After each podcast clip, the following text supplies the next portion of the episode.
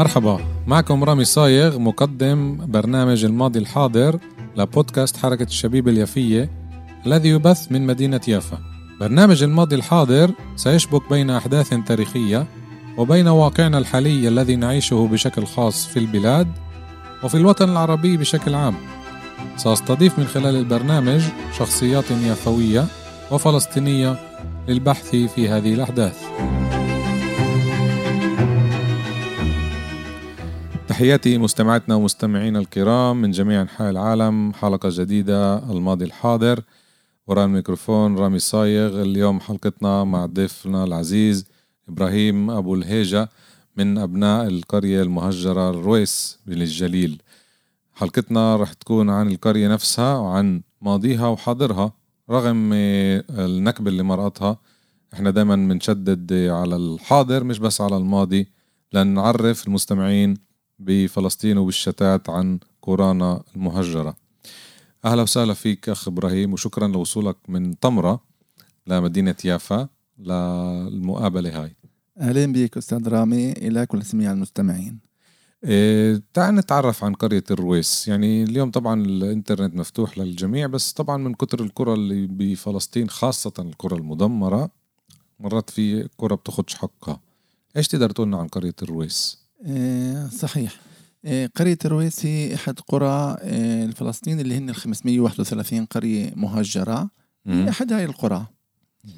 هي قرية موجودة بالجليل على خط رقم 70 نقدر نقول شرقي شارع 70 بالجليل اللي هي تبعد عن عكا عن مدينة عكا حوالي هوائي 12 كيلومتر. وعن حيفا حوالي 30 كيلومتر بتبعد عن حيفا.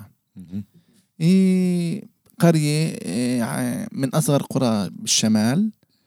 هي حديثة تنعد نسبة للقرى البقايا لأنه هي مبدئيا بال 1810 تقريبا تكونت القرية. اللي هي تتبع لأحد قرى أبو الهيجة حسام الدين أبو الهيجة القائد العسكري مع صلاح الدين الأيوبي لما أجا حملة ضد الصليبيين في القدس بالعام 1187 فنتيجة الانتصارات آه، صلاح الدين أوهبوا عدة قرى من ضمنها قرية آه، قرية الرويس. آه، فقبل ما يسكنوا بقرية الرويس أهلها كانوا ساكنين في قرية الحدثي اللي هي كمان أحد قرى أبو الهيجة وكانوا يجوا يفلحوا الأرض كانت عزبة قبل ما تسمى قرية. يجوا أهل الحدثي يفلحوا الأرض. يقعدوا شهرين وثلاثة وأربعة في الموسم.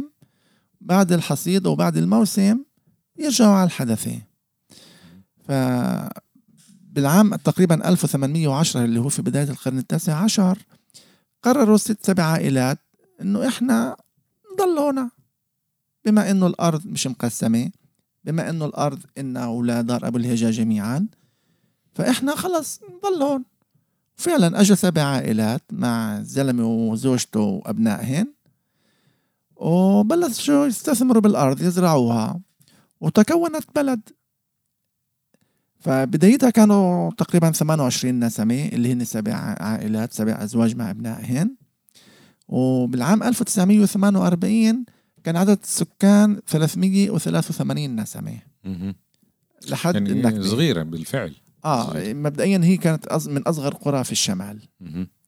فكانوا كلياتهم من دار أبو الهيجة بعام 1900 وبعد 1920 نسبة لسورسوك اللي باع أملاكه لليهود للكرنكيمات ولليهود ففي من حوالينا من قرى اللي هي بيعت أراضيها لسورسوك انجبروا يطلعوا من الأرض لأنه من قراهن لأنهم طلبوها أصحابها. فأجوا على الرويس سكنوا من دار حماد من دار صبح اللي هن سكنوا في الرويس نسبة للنسب ومعرفة وصداقة. سكنوا في القرية وظلوا بالقرية لحد عام النكبة يعني سرسك إحنا بنخبر المستمعين في منا بيعرفوش اللي باعوا ما يقارب 400 ألف دونم بس قالوا بمرج بن عامر. هل عندهم كمان أملاك خارج مرج بن عامر؟ آه اللي هي بكفريتا منطقة كفريتا اللي هي اليوم إيه، كريات بيالك كريات حايم طبعا قضاء حيفا. قضاء حيفا مم. اللي هي بين عكا وحيفا على الساحل مم. يعني هذا الأخبار مش كاذبة لما بنقعد نقول إنه الفلسطيني لم يبيع الأراضي إنما العرب اللي كانوا بالحكم العثماني مواطنين متساويين زي الجميع من أصول سورية ولبنانية هي اللي باعت صحيح طبعا ما نذمش بس بنقول إنه الواقع هذا هاي الحقيقة صحيح جدا. يعني يمكن كان لهم أسباب بس هاي كمان إضافة على اللي بنعرفه من قبل هو مرج بن عامر وال 400 ألف دونم المشهورة. مزبوط على فكرة هاي لإلك وللمستمعين سورسوك كمان كان لهم أملاك بيافا. في شارع بوستروس يعني قريب منا في عمارة لليوم متواجدة وبرضه هم بالمصدر العبري ذاكرينهم لأنه كان في اتفاقيات مع الحركة الصهيونية زي ما أنت قلت. والبيع كان بشكل علني. ما كان- قبل النكبة. كان متاح. مم. زائد إنه الفلسطينيين نفسهم كانوا يهتموا بس فقط في أرضهن مش زي اليهود والحركة الصهيونية إنه بدها تشتري أراضي. مم. آه، اليهود والحركة الصهيونية كان إشي منظم عندهم بالقرن التاسع عشر كان إشي منظم يشتغلوا في شكل مجموعات بشكل تنظيم. مم. لشراء أراضي. لشراء أراضي. وعارفين إنه هن إحنا نشتريها إسا واستعملها مش إسا. استعملها لقدام. كاستثمار كاستثمار ولقدام خلال اللي إحنا شفناه بالأوضاع كيف من آخر القرن التاسع عشر لعام النكبة كيف إنه كانوا كلياتهم يجوا لهنا في هجرة في شكل مزارعين في شكل اقتصاد في شكل مم. عمال في شكل بجميع الأشكال مم. بس هن كانوا يجوا لهنا لب الموضوع تاعهن هن كانوا جنود الاستيطان استيطان. معرفة كانوا مستعربين هذا اللي حصل صح هذا اللي حصل في قرية الرويس ومثلها مثايل في جميع القرى. إنه كانوا يجوا يعني بذكرني والدي إنه كان بياع الحليب يجي يشتروا الحليب. يشتروا الحليب من القرية من صفد. ومجرد اسمه صفدي.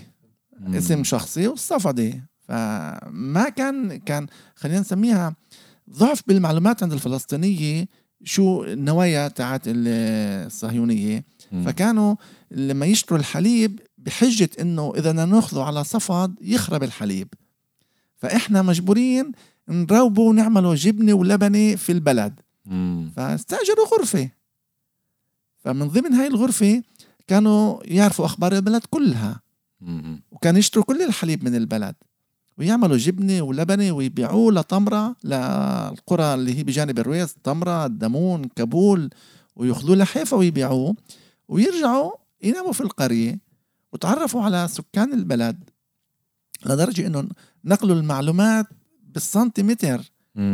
عن البلد للحركة الصهيونية على أساس لما كانت بالنكبة بال 48 كانوا عارفين البلد متر متر شخص تفاصيلها. شخص تفصيل البلد كلها كانوا عارفين وعلى فكرة هي موجودة بكل الأقضية يعني كمان قضاء الرملة كان نفس الف... الوصف. بكل قرية بكل مم. قرية أنا مم. خلال آه، بحثي عن قرية الرويس ولما أصدرت كتابي عن قرية الرويس. تبين وقرأت في كتب ثانية فتبين نفس ال- ال- ال- اللي عملوه في قرية الرويس انعمل في الدمون وانعمل في معار وانعمل في طبعاً. شعب طبعا ومش بس إنه كان الإشي على مستوى ال- العملاء اللي هن ينقلوا الأخبار كمان كان في ال- الطبيب.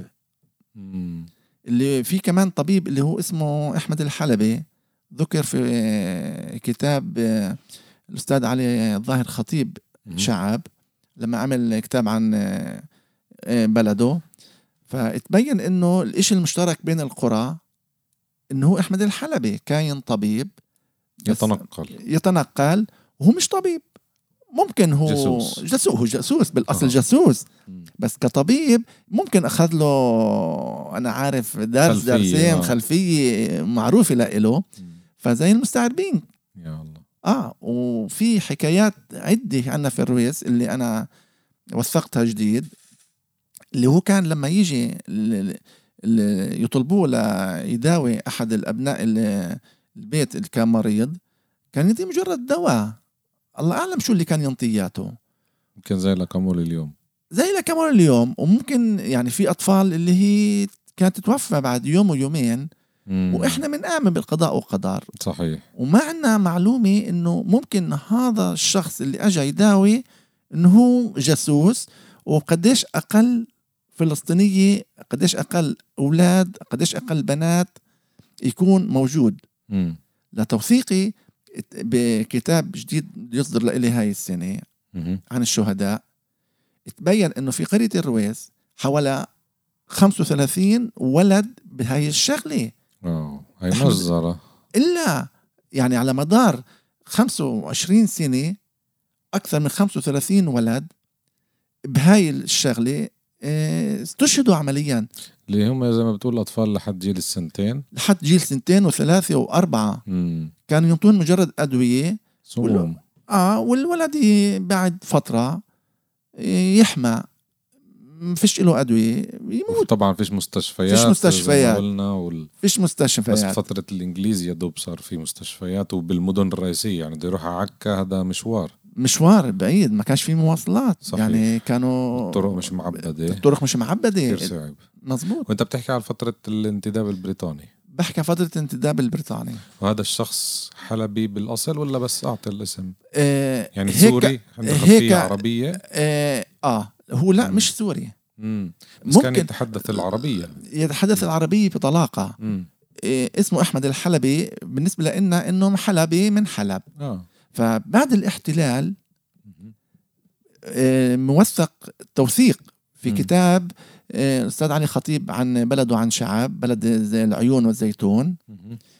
إنه كان أحد ال- أبناء قرية شعب اللي هو بيعرفه شخصي للطبيب أحمد الحلبي بيعرفه شخصي. فهو بالحافلة راكب من عكا ل... على ما أظن لصفاد في الباص في حافلة نقل الركاب شافه صادفه فقام من كرسته يسلم عليه لأنه بيعرفوا إنه هذا أحمد الحلبي. فهناك أحمد الحلبي ما حكى معه غير الموضوع كأنه بيعرفوش ونزل من الباص وهرب. فلما حدث هذه الحكاية حصلت معاه فتبينت إنه كان الاشي مبرمج والفلسطينيين ما كانوش يعرفوا هذا الإشي غير بعد الاحتلال وعن طريق الصدفة واختفت آثاره في من حينها. أكيد. لا قصة شيقة وحقيقية طبعا زي ما انت قلت وفي من أمثلة عديدة أمثلة طبعا هم عديدة. كمان بنشروا يعني أعمالهم الخبيثة بعد عشرات السنوات بيقدروا يكتبوا هم كمان المذكرات تبعتهم وأكيد في منهم مزبوط بيكشفوا هاي الحقيقة لحالهم بدون ما الواحد يفرض عليهم آه، طبعا بالنسبة للقرية زيها زي الباقي آه، تم تهجيرها بأيار ولا بتموز؟ لا بتموز بعد احتلال آه، الناصري وشفا. عامر آه، احتلوا القرية ولما احتلوها بعثوا في الأول إنه ي- يطلعوا من ال- البلد. فكان زي نوع من المفاوضات إنه سلموا البواريد مم. وبيطلعوا وبترجعوا بعد كم يوم بس الكتيبة العربية ما جتش زي ما عملوا ب في عدة قرى لا ما اجتش. لا ما وصلتش وكان في خبط على البلد من آه، مفرق طمرة. منطقة التوت ضربوا كم طلقة وهي الناس طالعة فاستشهد عنا شخص أبو خليل محمد أبو خليل أبو الهيجة. استشهد بال 48 مهم.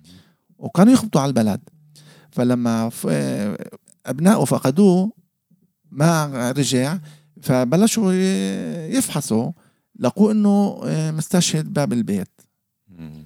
آه، حاولوا يدفنوه في المقبرة كان الخبط عليهن وما قدروا يدفنوه. فخبوا بالمغارة وحطوه بالمغارة. وبعد ثلاث أربعة أيام لحد أسبوع الرواية مش مأكدة كم يوم لأنه هن توفوا اللي دفنوه. إيه، بس على الأكثر لحد أسبوع.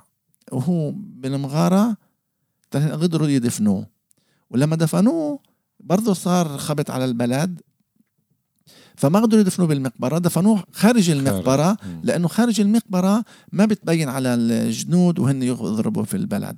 وهن يخبطوا عليها فاندفن خارج ال- المقبرة بكم متر واليوم هو مزار لأهل البلد آه موجود يعني. موجود قبر الشهيد. هذا إشي رمزي طبعا كمان بيعكس الواقع اللي كان مرقوه كل أهالينا. إيه، هاي المنطقة على فكرة عملت عنها كم حلقة في عن شفا عمر وعن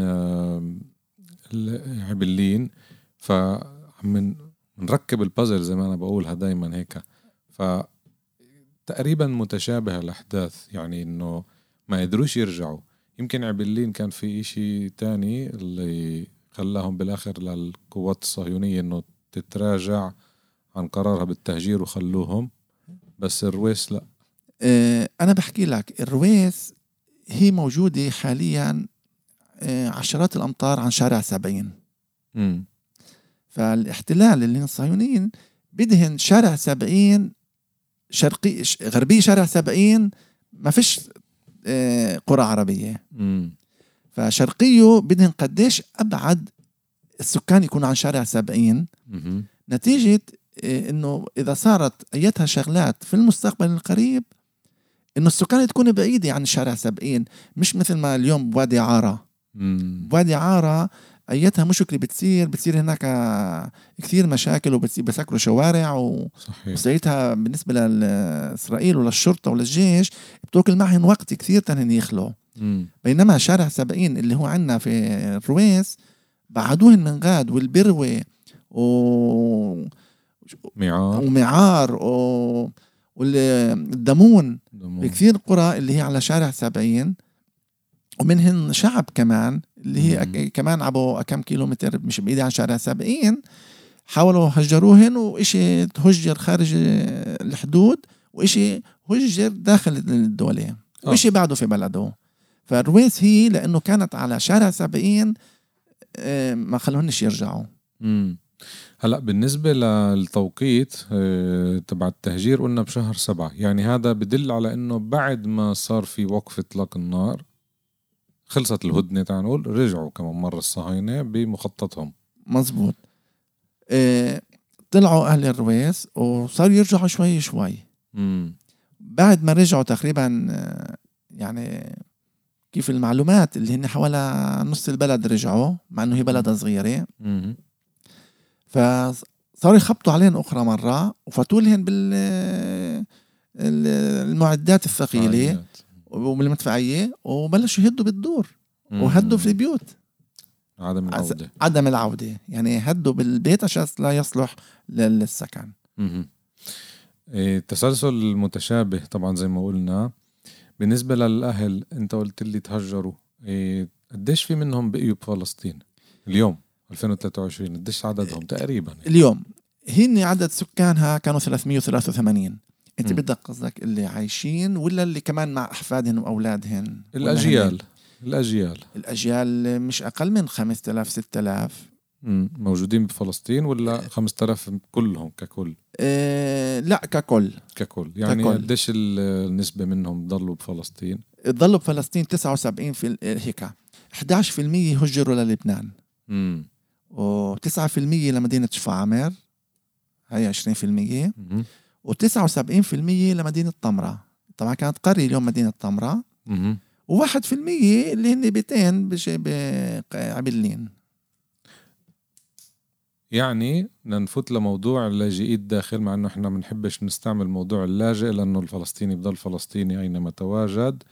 بس لنعطي الاسم هذا لاجئي الداخل من الرويس ما يقارب ال 4000 تقريبا. الرويس موجود بفلسطين الداخل. مزبوط إيش مصيرهم اليوم؟ اليوم طبعا آه، ساكنين في المدن اللي هن موجودين فيها. وتحت تحت ربنا يعني للمستمعين اللي خاصة بالشتات إيش نقدر نقول معلومات عنهم؟ هل هم آه، بنفس الستاتوس تبع فلسطيني الداخل؟ يعني عندهم آه، الأمل العودة. عندهم الجنسية اللي فرضت عليه الاحتلال ولا عندهم جزء من الجنسية بس للمستمعين اللي بيعرفوش هاي التفاصيل. لا طبعا كل واحد في مثلا في لبنان اللي هن أوراق ثبوتية بلبنان. أكيد. آه. اللي بقيوا بفلسطين إيش موقف موقعهم القانوني تعال نقول؟ القانوني إحنا معنا هوية زرقاء نحمل الهويه الجنسية الإسرائيلية طبعا لأنه إحنا ساكنين هون. امم بس من ناحية العودة ممنوع العودة. ممنوع العودة مع إنه قرية الرويس بعيدة عن مدينة طمرة اللي إحنا ساكنين فيها بيت واحد. يا الله. يعني مدينة طمرة آخر بيت في مدينة طمرة يطل على الرويس. هو يطل على الرويس بعيد عنها ثلاث أمتار فقط. مهم. آخر بيت في مدينة طمرة من غربها هو يبعد فقط ثلاث أمتار مم. عن قرية الرويس. ولليوم ممنوع الفلسطيني اللي حتى بقي بفلسطين يرجع. ممنوع نرجع على بلدنا. هاي طبعا بنشدد عليها للي بيعرفش خصوصي عم من نسلط الضوء لأنه دائما بيفهموا الناس وبفكروا الناس وخاصة العرب آه، اللي بيجهلوا الواقع تبعنا والتاريخ مش بس الواقع بفكروا إنه اللي تهجر تهجر وراحت عليه. طبعا اللي تهجر ما راحتش عليه بس هيك الفكر تبع الرأي العام المضلل. عشان هيك أنا برجع بكرر هذا الموضوع إنه إيش صار باللاجئين الداخل وكمان هيجبنا منك الإثبات إنه لاجئي الداخل ممنوع يرجع على قريتهم حتى لو كانوا قراب متر من قريتهم. ممنوع نرجع لقريتنا معلوم إحنا بشكل عام دائما من بنرجع على البلد نطمن عليها بنشوف أرضها بنشم الهواء فيها. مم. إيه، لما ترجع تبني ممنوع. ممنوع. نرجع عليها كل أسبوع مرة بناخذ معنا غدا آه، شعبي. بناخذ معنا شغلات تراثيه بشكل عام دائما زيارات بنعملها ما. بننساهاش شيلي يعني. دائما الإختيارية الشباب الأحفاد دائما بنروح على ومنزور البلد هناك هذا اللي بدنا إياه نشدد عليه إنه الاحتلال بضل احتلال حتى اللي بقي تحت رحمته بين هلالين لا يسمح له بالعودة إلى قريته حتى لو لم يتم الته- التهجير يعني هم عملوا قانون طبعا قوانين ظالمة إنه إذا أنت تهجرت لدولة عدو بين هلالين لا يحق لك العودة أو استرجاع أملاكك. بس هون أنتم موجودين بالخانة الثانية اللي هي ما طلعناش على دولة عدو وأنتم بتمنعونا كدولة جديدة العودة. هذا بنحب نشدد عليه دايما. مزبوط. اللي خارج الدولة طبعا قانون الغائبين أموال الغائبين ما يسمى. تم مصادرته تم طبعاً. مصادرة جميع أملاكهن. وإسرائيل عم تبعث العملاء لإلها. مم.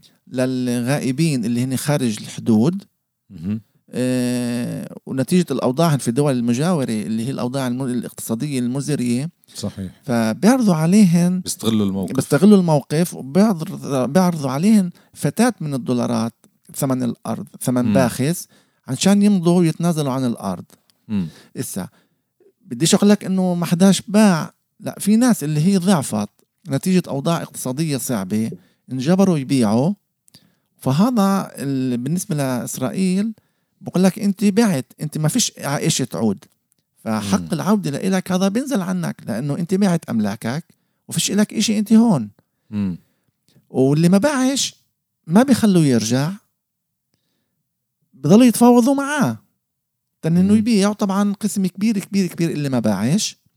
ونفس العملية إحنا بالداخل هاي هي بدي أجيك بهذا السؤال هل المحاولات ما زالت لليوم من قبل الاحتلال لبيع أراضي الفلسطيني اللي بقي بأرضه آه ما زالت. في الأول آه إحنا طبعا نسمى حاضر غائب. إنه إحنا حاضرين غايبين. بس غائبين عن آه أرضكم. أرضنا. ففي بداية لحد بداية السبعينات قبل الثمانينات كانوا يبدلوا. قسم بدل وقسم ما بدل. كيف تبديل؟ يعني أنت بتمرخ بتاخذ أرض وخلاص راحت عليك الرويس؟ آه, آه. طبعا ينطوا شغلات آه يعني إلك عشر دنومات ينطوك دنومات اثنين تلت يمكن آه. آه. وبما إنك أنت سكنت في أرض في طمره مم. اللي هي خلينا نسمى إنه اشتريناها مثلا من أهل الطمره بس الأرض مش طابه. فهنا ماسكيننا من إيد اللي تجوعنا إنه أنت معمر في أرض دولة. مم. يعني زي كأجار زي كاجار فبما إنك أنت في أرض دولة أنت على نص دنم على دنم أنت لك عشرات الدنومات أنت الدنم اللي إلك لا يسوى كم ألف دولار واللي إلنا بيسوى كثير. مم. ف أو قرار هدم. ففي كثير ناس اللي بدلوا بهاي الطريقة. انجبروا إنه يتنازلوا عن أرضهن. مقابل إنه يضل في بيته ما ينهدش بيته.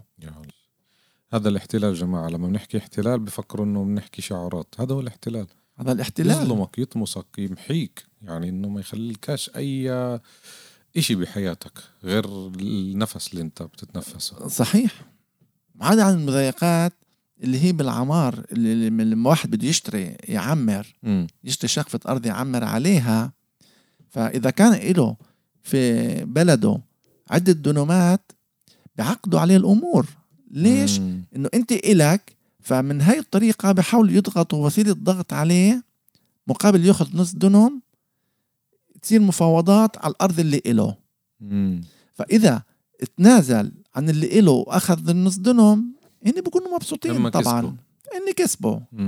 واحد إنه أنت تنازلت عن أرضك يعني عمليا حق العودة لإلك تنازل نزل عنك اثنين إنه الأرض صارت معنا وإنت ما فيش إيش تعمل.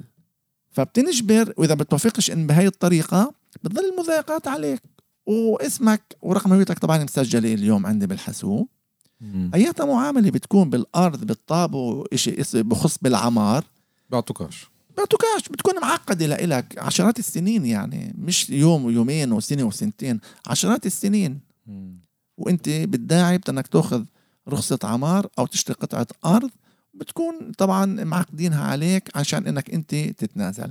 بينما انت خذ رقم ال- اللي إلك الملف اللي إلك في الأرض وبدك تبدلهن أو إنك انت تاخذ آه، شقفة أرض فالمعاملة بتكون سريعة جدا. مم. مقابل إنك تتنازل عن الأرض اللي إلك. أكيد.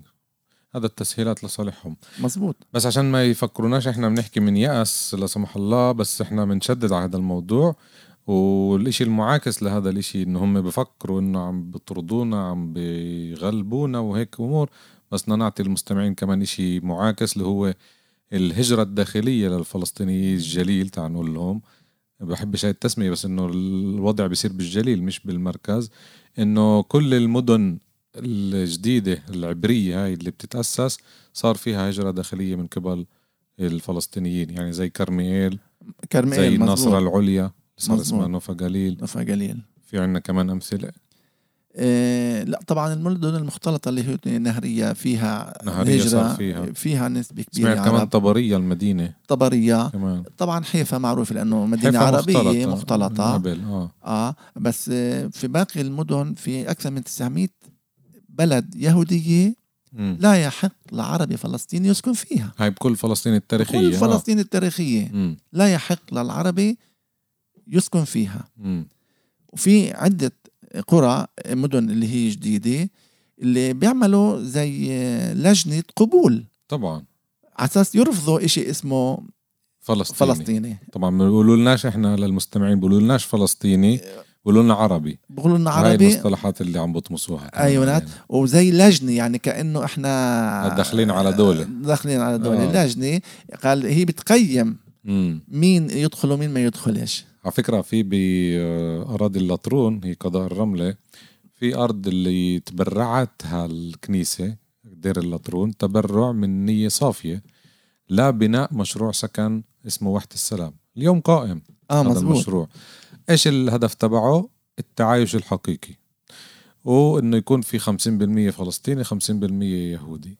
طبعا في كتير إشكاليات بهذا الموضوع بنقدر نعمل عليه حلقة كاملة. بس شوف كيف يعني كمان الاستغلال اللي عندهم إنه كمان أخذوا أرض الكنيسة تحت غطاء التعايش. تعايش. وهناك كمان مش كل فلسطيني بيقدر يروح يسكن. بيقدروا يجوا يقولوا لك آه، مواصفاتك ممتازة بس إحنا حاليا مش بحاجة لفلسطيني آه. يعني حتى بهاي اللجان اللي هي مش عنصرية بين هلالين مع إنها هي فيها كمان تميز. عنصرية فيها تمييز فيها بالضبط. تمييز. هذا القصد هنا. إيه فعشان هيك إحنا بنحب نشدد مواضيع يمكن إلي وإلك مفهومة بس كمان للمستمعين خاصة أهالينا بالشتات اللي بنوجه لهم تحية واليوم بالحلقة بنوجه تحية لأهالي الرويس. وين متواجدين بلبنان؟ على فكرة على فكرة عندنا مستمعين بلبنان. بفضل زميلتنا رشا بركات هي بنت يافا. من مهجري يافا اليوم بلبنان وكتير صاروا يسمعونا من لبنان يعني الإشي كتير واسع. وبنسمع كمان عن المخيمات اللي بصور وصيدا وبطرابلس وبيروت كمان. أول شيء بنوجه لها تحية لست رشا. إيه، طبعا موجودين في أهل الرويس بحكي لك. قسم منهن في عين الحلوة. آه، في طرابلس في صيدا وفي بيروت. يعني كتير مخيمات. آه بكثير مخيمات. طبعا آه، في تواصل معهن إحنا. حلو. وفي قرابة كمان في يعني عائلات. آه. مم. آه آه. مش يعني بس عشان ابن البلد. لا آه، طبعا هن كل الفلسطينيين اللي بالشمال آه، مم. أغلبهن على لبنان لأنه طبعا. آه، قريبة جدا يعني. يعني جغرافيا. يعني اليوم إحنا بالرويس إذا بدي أصل على صيدا لو فيش حدود أقرب من ما تيجي 35 دقيقة. صح. 35 دقيقة. أقرب ما تيجي عيافا بكثير. يافا أكثر من ساعة بينما صيدا نص ساعة. يا الله. هذا سايكس بيكو الملعون اللي بنحكي عنه دايما. سايكس بيكو وسان ريمو. مضبوط. الظلم إن شاء الله يزول بيوم من الأيام. إيه أخ إبراهيم شكرا كتير لك بس قبل ما ننهي حابب تعطي أي كلمة إيه للمستمعين. توجهها للكل أهل الرويس ولكل المستمعين. آه، طبعا تحياتي للجميع لجميع المهاجرين. ب- إن شاء الله بالسنه القادمة وإنه بنشوفكم كلياتكم هنا تكون الحدود فاتحة وترجعوا وترجع نعمر البلاد. إن شاء الله. نعمر بلدنا ومش بس الرويس الرويس الدمون كل بيروي فلسطين كل فلسطين. شاء كل الله. ما يكونش في مهجر خارج الحدود. إن شاء الله. كله يرجع لهنا إن شاء الله. نحن بالانتظار إن شاء الله. هذا هو الحق طبعا اللي بنطالب فيه. ومش بس شعارات. شكرا كثير لك أخ إبراهيم. اتحفتنا بمعلوماتك. انت أكيد دائما مرحب فيك ببودكاست حركة الشباب اليافيه وإن شاء الله زي ما أنت قلت العودة مش بس تكون ككلام إنما كفعل. وهذا الحق اللي اللي بنطالب فيه دائما بنحب نذكر مستمعينا الكرام بتطبيقاتنا Spotify Podbean Google Cast و Apple Cast وعندنا صفحتين على الفيسبوك. حركة الشباب اليافية اللي فيها معلومات يومية شبه يومية وكمان عندنا صفحة بودكاست حركة الشباب اليافية وبرامجنا متنوعة. أيام تنين كل يوم تنين عندنا صالون رشا لزميلتنا رشا بركات وكل الخميس آه، عندنا برنا- برنامج الماضي الحاضر وبرامج تانية لرشا بركات برضو بصمة محبة مرة بالشهر وبرنامج ثنائي دردشة أنا ورشا بركات. بنحب دايما نوسع الحلقة تبعتنا لنوصل أكثر عدد مستمعين. عندنا مستمعين من خارج فلسطين وطبعا من دول عربية وأجنبية. وهذا هدفنا نوصل الرسالة. وشكرا كثير لك كم مرة. وشكرا للمستمعين. الله معكم.